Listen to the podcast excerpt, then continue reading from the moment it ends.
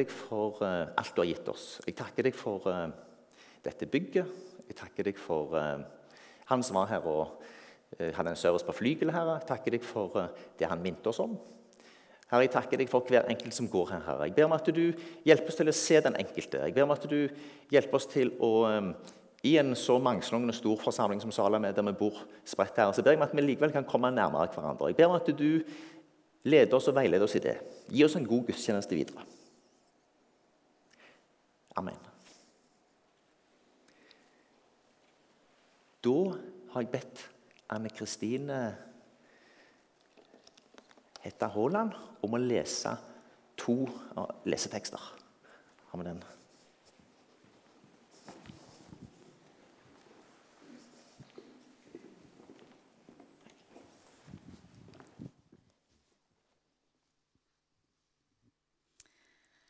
Den første leseteksten den, er, eh, den eh, leser vi hos profeten Esekiel i kapittel 37, og vi leser fra vers 1 til 14. Herrens hånd kom over meg, og i ånden førte han meg ut og satte meg ned i en dal som var full av ben. Han førte meg rundt omkring dem, og se, det lå en stor mengde ben utover dalen, og de var helt tørre. Så sa han til meg, Menneske, kan disse ben bli levende igjen? Jeg svarte, Herre Gud, det vet bare du. Da sa han til meg, Tal profetisk over disse ben og si til dem, Dere tørre ben, hør Herrens ord. Så sier Herren Gud til disse ben, Se, jeg lar det komme livsånde i dere, så dere blir levende.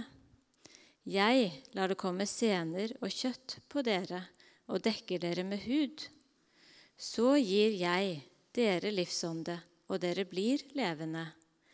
Da skal dere sanne at jeg er Herren. Jeg talte profetisk, som jeg hadde fått påbud om og mens jeg talte, tok det til å buldre og skjelve. Bena la seg inntil hverandre, ben ved ben. Og mens jeg så på, kom det sener og kjøtt på dem, og de ble dekket med hud. Men livsånde var det ikke i dem. Da sa han til meg, tal profetisk til livsånden, menneske. Tal til den og si, så sier Herren Gud, livsånde, kom fra de fire verdenshjørner og blås på disse drepte menn, så de blir levende.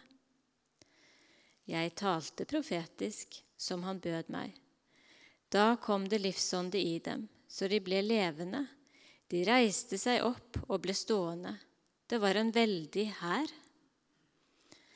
Nå sa han til meg, menneske, disse ben er hele Israels folk.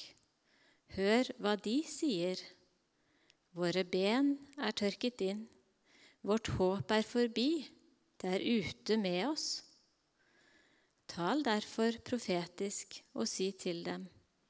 Så sier Herren Gud, se, mitt folk, jeg åpner gravene deres og lar dere stige opp av dem så fører jeg dere til Israels land.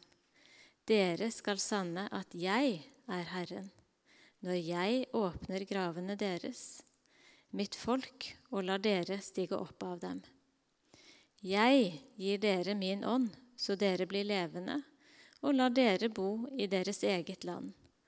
Da skal dere sanne at jeg, Herren, har talt og setter det i verk lyder ordet fra Herren.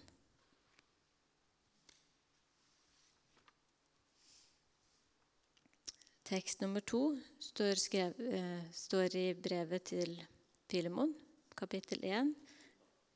Hæ? Filipperne, unnskyld. Kapittel 1, vers 20-26.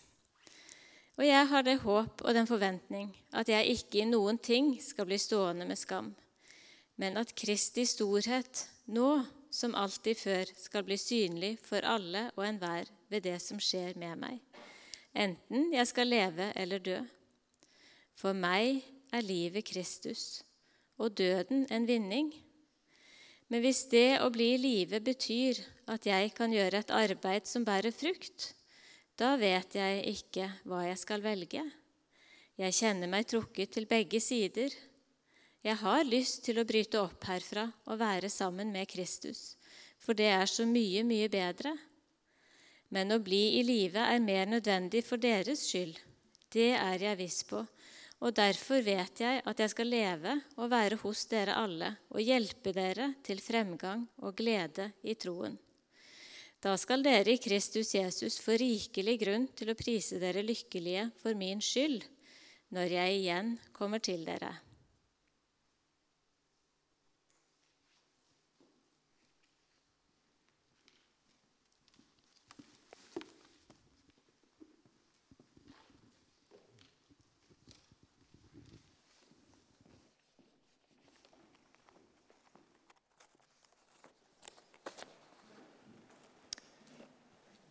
Preiketeksten står i Markusevangeliet kapittel 5, versene 35-43. Mens han ennå talte, kom det folk fra synagogeforstanderens hus og sa:" Din datter er død. Hvorfor bryr du mesteren lenger? Jesus hørte det som ble sagt, og sa til synagogeforstanderen:" Frykt ikke, bare tro. Nå lot han ingen andre følge med enn Peter, Jakob og Johannes, Jakobs bror. Da de kom til synagogeforstanderens hus, og han så alt oppstyret og folk som gråt og jamret seg, gikk han inn og sa til dem.: Hvorfor larmer og gråter dere? Barnet er ikke dødt, hun sover. De bare lo av ham. Men han drev alle ut og tok med seg barnets far og mor og dem som var med ham, og gikk inn der barnet lå. Så tok han barnet i hånden og sa, Talita kumi. Det betyr, pike, jeg sier deg, stå opp.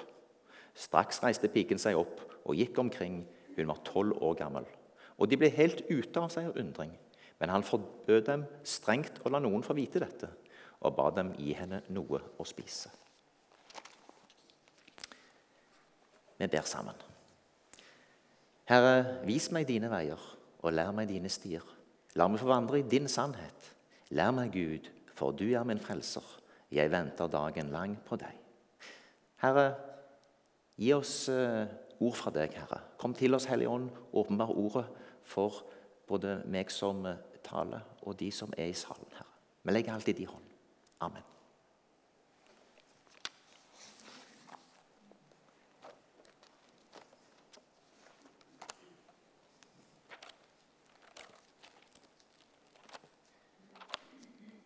Dagens tekst står i en sammenheng.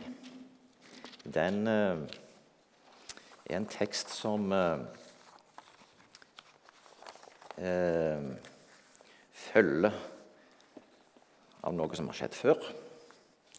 Jesus er i Galilea. Han har vært en tur over på østsida av Genesaretsjøen, i det som heter Gerasenerlandet, etter byen Gerasa, en by i, områdene, i området Dekapolis, som betyr ti byer. Og Dette er da en av de ti byene. Og Denne byen Gerasa den finnes ennå. Den eksisterer den dag i dag. Her borte har han drevet ut en hel legion, en mengde ureine ånder av en mann, og sendt de onde åndene inn i en griseflokk, som så sprang ut forbi et stup med sjøen og drukna.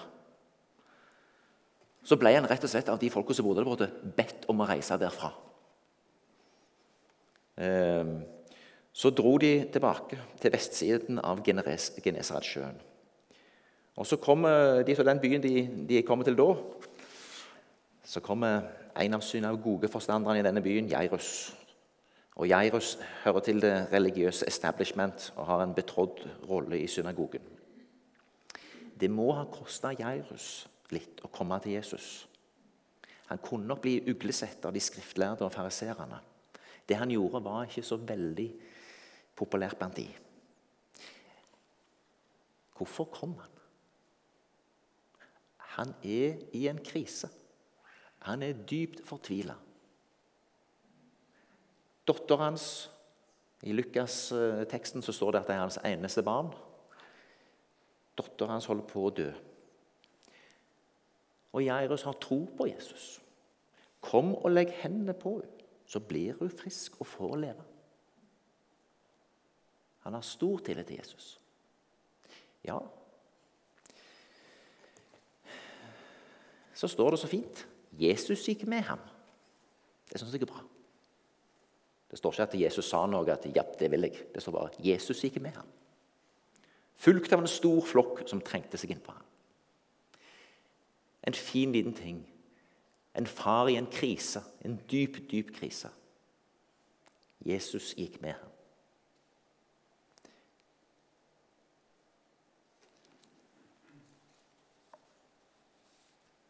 Og så ble Jesus med, sammen med mange andre, som nå aner at eh, noe nytt under kanskje skal skje i nærheten av Jesus.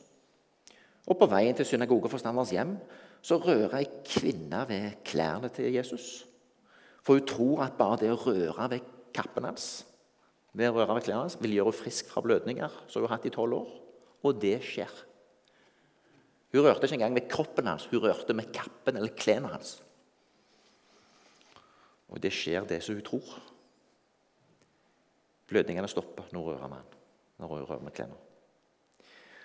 Og mens Jesus ennå snakker med denne kvinnen, mens han ennå talte, til og med kvinnen, kom det folk fra synagogeforstanderens hus. Og jeg syns den beskjeden de kommer med, er litt brutal. Først sier de 'din datter er død'. Det er jo en fryktelig beskjed å få. Og så sier de videre 'Hvorfor bryr du mesteren lenger?'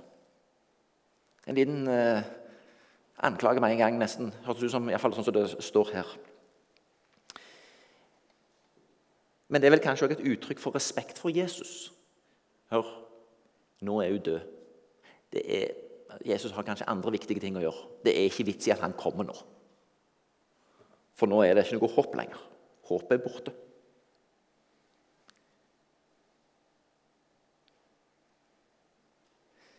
Dette ligner jo litt på det som så mange av oss kan gjøre. Vi undervurderer fort hva Jesus faktisk er i stand til å gjøre. Vi undervurderer hva Jesus kan gjøre for andre, og vi undervurderer hva han kan gjøre for oss. Ikke bry Jesus med dette. Dette er en håpløs situasjon. Akkurat denne situasjonen kan ikke Jesus gjøre noen ting med. La oss gå videre. Glem Jesus nå. La han få holde på med andre ting. Ikke dette anliggende her. Jesus hørte det som ble sagt fra disse andre, og sa til synagogeforstanderen.: Frykt ikke, bare tro. Motsatsen til tro er ofte frykt. Ehm, det kan komme frykt over oss i mange ulike anledninger. Jeg samarbeida en stund med noen eh, folk som var tilknyttet til en organisasjon som heter Navigatørene, nede i eh, Slovenia. Og De hadde bygd opp et flott arbeid som for 10-15 år siden så ut til å gå skikkelig dukken pga. økonomisk eh, trøbbel. Og De hadde holdt på ganske lenge, og dette så ganske svart ut. Det virka eh, utrolig meningsløst. Så når jeg snakket med lederen der etterpå, så sa han jeg lurte på hva Gud ville lære oss i dette. Det er jo et fantastisk perspektiv. Han lar ikke krisen knuse Guds bilde Nei, nei, nei. Gud har nok noe han vil lære oss i dette. Å kunne få se sånn på dype kriser for, forteller jo om at, at troen var større enn frykten. Men vi må jo bare erkjenne at det ofte er motsatt med oss. Redselen, angsten, sinnet, frustrasjonen tar oss. Dette er et godt ord. Frykt ikke, bare tro. Og så er jo vi avanserte, analytiske, vestlige mennesker da av og til dette, ja, ja, det høres litt sånn enkelt ut. Ja, men det, det er ikke det. Det, det. det, å gi seg hen og ha tillitsfull tro til, til Jesus, det, det, er ikke et uttrykk for at du velger vekk alle andre praktiske løsninger på tingene, men det går på en holdning. At du har tillit til at midt i det gode arbeidet du gjør på ulike områder for å oppnå et resultat eller få noe til å skje, så har du tillit til at Gud er i det. Og du er i Han. Du kan legge alt fram for Han. I bønn, i samtale. De store tingene, de små tingene. Han er i det. Og så gjelder det for oss å kunne leve i det at selv om det ble på en annen måte enn vi trodde, så er Gud der allikevel. Gud er større enn våre kriser. Gud er større enn de bildene vi har av hvordan ting skulle bli og være. Inkludert det å drive menighet, hvordan det skal se ut. Ehm, men det er løfter knytta til å stole på Gud og ha tro og tillit til Han i alle ting. En som ehm, er et forbilde for oss i mange henseender når det gjelder å ha tro til Gud, det er David. David hadde lært i unge år å reise seg opp mot overmakten. Han er gjeter. Og det står altså når han skal møte Goliat, så sier han jeg har reist meg opp mot løve og bjørn. Har, hvis de tok en sau, så sprang jeg etter dem og reiv eh, sauen ut av gapet deres. Og jeg tok eh, løva i ragget og slo henne i hjel. Altså, dette gjorde han ikke alene. Dette gjorde han med Guds hjelp. Han hadde et stort mot og stor tillit til at Gud var i alle ting. Det var også det som gjorde at han kunne møte Goliat. Han hadde øvd. Han hadde øvd på å stole på Gud i store og små kriser i sitt liv. David sier i 1. krønikebok 29, 12b. I din hånd er kraft og styrke. Alt har du makt til å gjøre stort og sterkt. I din hånd er kraft og styrke. Alt har du makt til å gjøre stort og sterkt. Første krønikebok 29, 12b. Dette er stor tillit. Dette er tro. Gud er der. Han har kontroll. Vi hviler i Han. Vi hviler i at alt som skjer med oss, det er underlagt Han og Hans vilje. Um, hvordan det ser ut og hvordan det blir, det rår Han med. Jesus gikk med han, leste vi i vers 524, som gikk forut for vår tekst. Jesus visste hvordan det sto til med Jairus' datter. Kan hende var datter allerede død når Jairus kom og spør. Men Jesus gikk med for det. Han visste det kanskje. Jesus visste det kanskje. De som kommer med dette håpløse budskapet, representerer det som vi ofte er, altså tvileren til Jesus' sin allmakt, tvileren til hans evne til å redde situasjonen.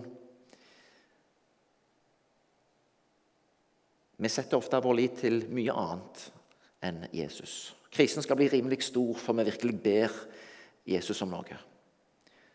Håpet kan være at bønnesvarene våre driver oss til et nærmere fellesskap med Han. Det er nesten sånn at krisene kommer så tett at det blir vaner å venne seg til Gud. Ehm, sånn var det faktisk på David. Det tror jeg. Jeg tror at Den vanen han hvert hadde med å venne seg til Gud, kommer ut ifra å leve i krise. Det finnes en annen vei òg, som Daniel har vist oss. Selv om at han òg var i store kriser. Daniel kommer jo fra eh, overklassen i eh, Juda og blir sendt til Babylon og bortført i den eh, første flokken som ble bortført. De tok liksom eh, overklassefolka først, for de var ressurser som de kunne bruke til noe. Daniel tror jeg har det man kaller for dannelse. Men det kan godt hende at krisen er det som også driver han inn i det å be tre ganger til dagen og vende seg mot Jerusalem. Men jeg tror også at han kan ha en, eh, han har lært seg noen vaner, noen, noen rammer. Og det å ha rammer og rutiner rundt sitt gudsliv har jeg erfart faktisk i voksen alder er en velsignelse. Jeg tror det er krisene som har drevet meg mer inn i bønn, og til at det har blitt vaner. Ehm, jeg erfarer at det er godt å be salmer. Jeg har lært meg noen salmer utenat. Jeg har sagt det før òg. Og jeg prøver å be to salmer hver dag. En på morgenen en i løpet av dagen. Ehm, finne tid til å roe meg ned, be de salmene. De har jeg lært meg utenat. Da har du alltid noe. Da bærer det deg gjennom dagen. Det å finne noen rytmer som gjør at uh, det, troen kan bli intuitiv, at Gud er der, kan bli intuitivt, det tror jeg er en god ting. Og der må vi hjelpe hverandre. Så går vi videre i teksten vår. Nå lot han ingen andre følge med enn Peter, Jakob og Johannes, Jakobs bror. Nå tror jeg altså at det er litt sånn at nå har jo de andre fått høre den store har fått høre at du er død. Så da er det kanskje ikke så interessant lenger. Så da er det mer naturlig at de bare går videre, de sammen med Jairus, de fire. da. For nå er det ikke så mange som følger med videre. Nå er det jo blitt håpløst. Nå kan de ikke få se, se det under at ei syk jente blir frisk. Så de får gå videre i fred nå. Da de kom til synagogeforstanderens hus, og han så alt oppstyret og folk som gråt og jamret seg, gikk han inn og sa til dem, 'Hvorfor larmer og gråter dere?' 'Barnet er ikke dødt, hun sover.' De bare lo av ham, men han drev alle ut og tok med seg barnets far og mor og dem som var med ham, og gikk inn der barnet lå. Så tok han barnet i hånden og sa, 'Talita kumi'. Det betyr pike. Jeg sier deg, stå opp. Straks reiste piken seg opp og gikk omkring. Hun var tolv år gammel, og de ble helt ute av seg av undring. Og Så forbød han de strengt å la noen få vite dette, og ba han å gi, gi, ba de å gi noe å spise. Hvorfor ville ikke Jesus at dette skulle komme fram? Det kan ha vært situasjonen der og da. Han ville ikke ha noe styr akkurat der sammen med alle gråtekonene og alle som var kommet. Han ville bare ubemerket gå eh, vekk derifra og skape en viss sånn forvirring i hva som var årsak-virkning i forhold til dette. Det ville kanskje gi en litt mindre stress i forhold til fariserene. Det ville ikke være så åpenbart at det var han som gjorde det.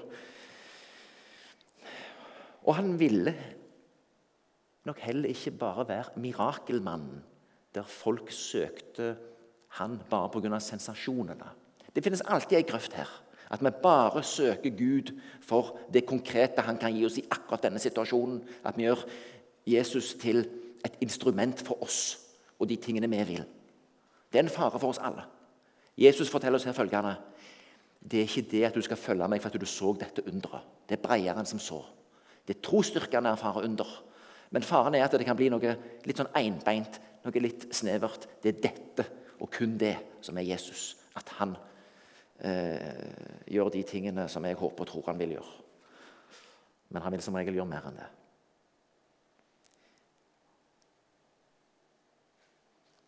Det vi ser her, er at Jesus viser sin allmakt. Han viser at han er Guds sønn. Det er tydelig for å si det sånn, bevis på hvor stor han er. Det var med tre vitner. Peter, Jakob og Johannes. De var der. De så det, og de vitner om det etterpå.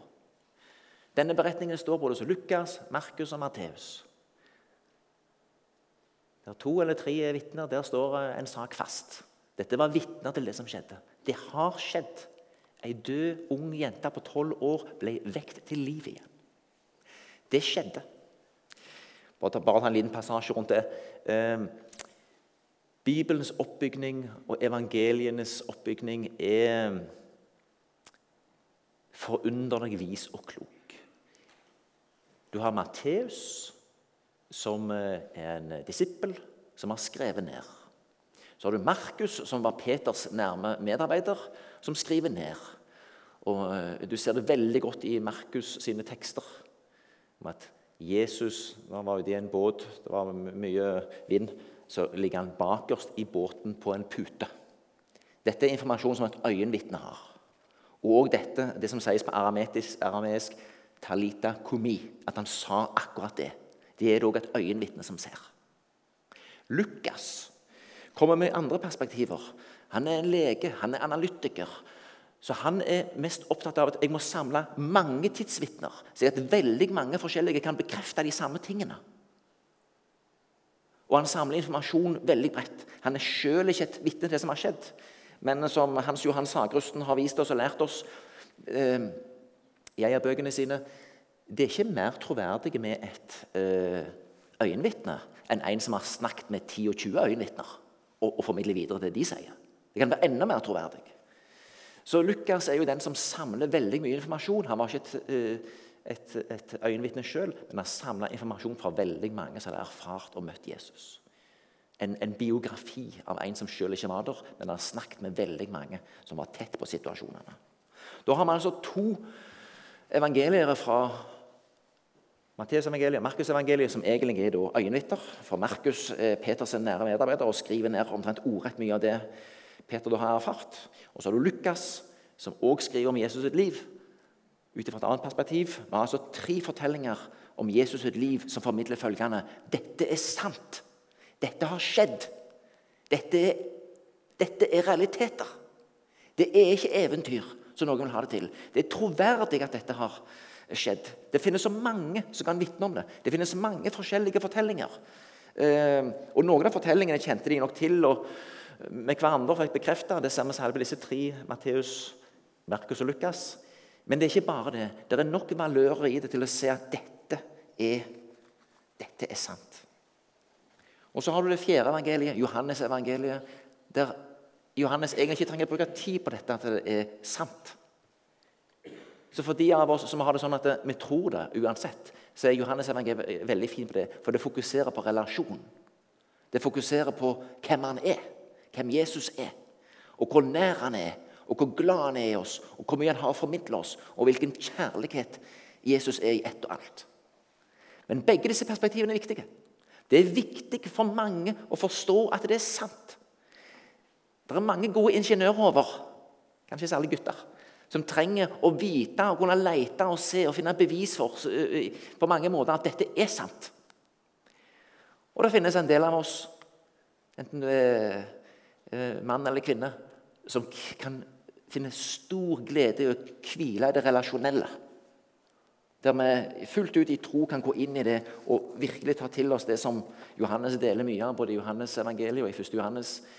Denne nære relasjonen med Jesus som er invitert inn i ved Den hellige ånd. Dette er et liv, det er en erfaring, men det som har skjedd, står fast og er sant.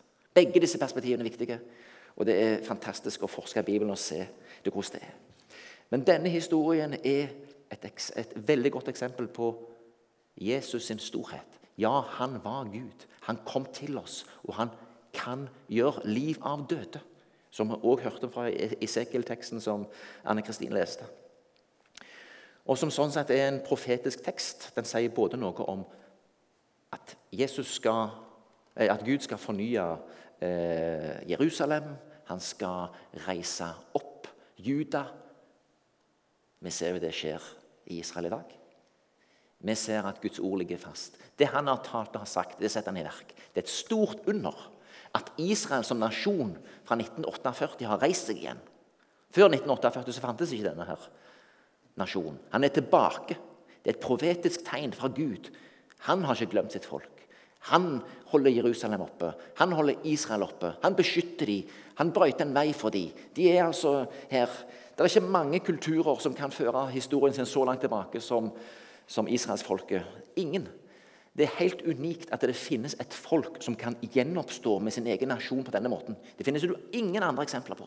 Sånn sett er det som skjer i eh, Israel og Jerusalem i dag, det er et tegn til oss.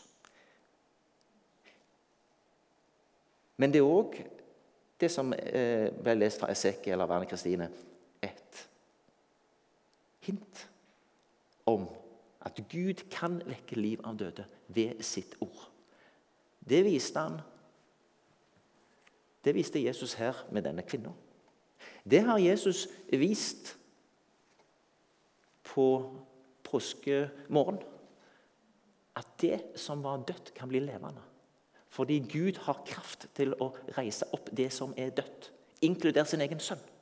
Han har reist sin egen sønn opp fra døden. Og Jesus er altså den som da viser oss et eksempel. At den som tror på dette under, den som tror at uh, Gud reiser han opp fra de døde. Den som bekjenner Jesus, Jesu navn, den som tar sin tilflukt til Jesus, den skal sjøl bli reist opp på den siste dag. Og Sånn sett er teksten vår òg en håpstekst for at det som ser ut til å være håpløst, der kan det bli liv. Det kan både bli at det døde skal reises opp igjen. Vi blir, eh, vi blir ikke alltid i grava. Vi skal reises opp til et nytt liv, vi som tror på Jesus. Hvis du bekjenner at Jesus er Herre, og tror i ditt hjerte at Gud reiser ham opp fra de døde, da skal du bli frelst. Det er en farbar vei for oss alle, for bekjennelsen kan vi alle ha. Og så kan vi be Den hellige ånd skape tro i vårt hjerte. Og det, vil, det er en bønn som Gud vil svare på. Helt til slutt litt kort om teksten som ble lest fra i Filipperbrevet. Paulus er også inne på de store tingene om liv og død. Og han trekkes mot døden, for da vil han komme inn til det virkelige livet sammen med Kristus. Men så forstår han at det er best at han ennå en stund blir blant dem. Og jeg syns det er så veldig fint denne grunnen til det. Fordi da kan han hjelpe dem til fremgang og glede i troen. Det er et flott perspektiv for å leve. Tenk å få lov til å leve for å kunne være til hjelp for hverandre. Det er å få fremgang og glede i troen. Det er et fint perspektiv. Og Da syns vi er veldig i nærheten av å forstå hva både en kristen familie og en kristen storfamilie og en smågruppe og en større forsamling som Salem er kalt til å være. Vi er kalt til å hjelpe hverandre, til å gi hverandre glede og fremgang i troen. Alt dette kan vi gjøre fordi Jesus er sannheten, veien og livet. Han, har, han er veien, sannheten og livet. Han har vunnet over døden, som han har vist oss i denne teksten. Han har et liv for oss å leve, som han kaller oss til. Han vil gå med oss som han gikk med Jairus. Han vil gå med oss hver dag. Han har gitt oss av sin Hellige Ånd. Han har noe for oss. Det er gode grunner til å både for deg individuelt og i fellesskap, oppleve fremgang og glede i troen. Det gjør du satt fri ved Kristus og et liv ved Den hellige ånd. Herre, takk for denne teksten. Takk for at ditt ord er levende. Takk for at du kommer til oss med ditt ord, Herre. Og takk for at du skaper liv i oss ved dette ordet. Herre, jeg ber om at eh, hver enkelt som er her i dag, må få eh, fornyet glede og fremgang i troen ved ditt ord og ved din ånd. Gi oss en god søndag videre. Amen.